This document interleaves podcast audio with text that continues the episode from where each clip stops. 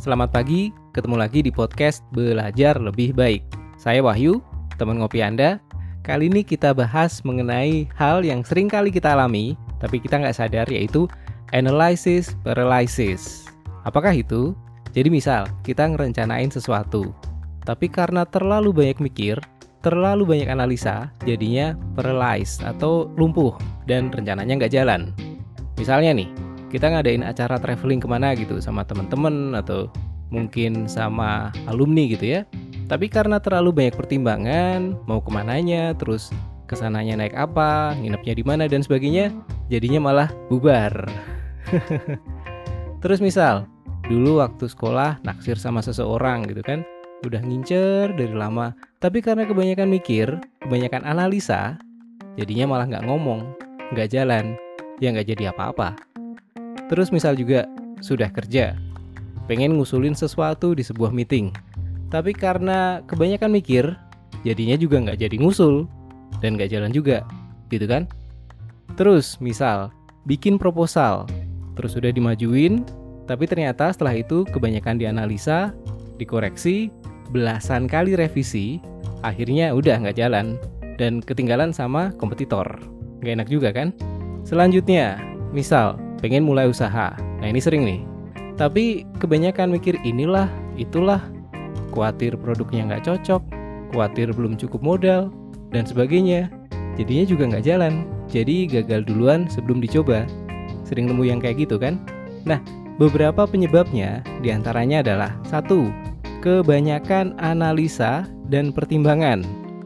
Oke, terus kebanyakan detail yang belum tentu perlu.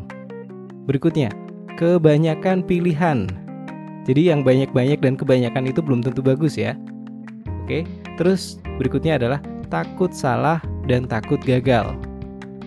Dan juga terakhir, pengen hasil yang langsung sempurna. Nah, ini berat nih. Perfeksionis berat nih. Kalau misal Anda perfeksionis, maka siap-siap akan sering ketemu dengan analysis paralysis. Oke? Berikutnya, gimana caranya untuk mengatasi? Nah, ada banyak tips, cuma di sini akan saya sampaikan 5 aja. Di antaranya adalah satu, tentukan prioritas dan tujuan. Oke, kebayang? Berikutnya, itu di breakdown atau dipecah menjadi milestone. Jadi nggak langsung yang jangka panjangnya atau nggak langsung ke tujuan akhirnya nggak, tapi step by step. Jadi kita kebayang langkahnya sedikit demi sedikit kayak apa. Oke? Berikutnya adalah tentukan deadline-nya yang jangka panjangnya kayak apa atau yang tujuan akhirnya gitu ya. Terus juga yang milestone-nya. Berikutnya, nah ini nih, tidak perlu menjadi perfeksionis. Ini kalau yang teman-teman udah biasa perfeksionis, perlu untuk belajar untuk merelakan. Let it go. nggak semuanya harus 100% dari awal ya. Jadi kalau misal hasilnya nggak maksimal nanti masih bisa diputar. Misal hasilnya cuma 80% bisa diputar jadi 85, bisa diputar jadi 90. Tapi kalau udah keburu dari awal pengen 100%, jadinya nggak jalan. Gitu. Terus sorry, yang kelima, satu lagi, jangan takut untuk belajar dari kesalahan. Gitu. Kebayang ya? Oke, jadi balik lagi, analysis paralysis itu hal yang gak bagus ya. Mostly karena kebanyakan mikir, kebanyakan analisa, kebanyakan detail dan terutama takut salah, takut gagal dan pengen yang sempurna. Oke?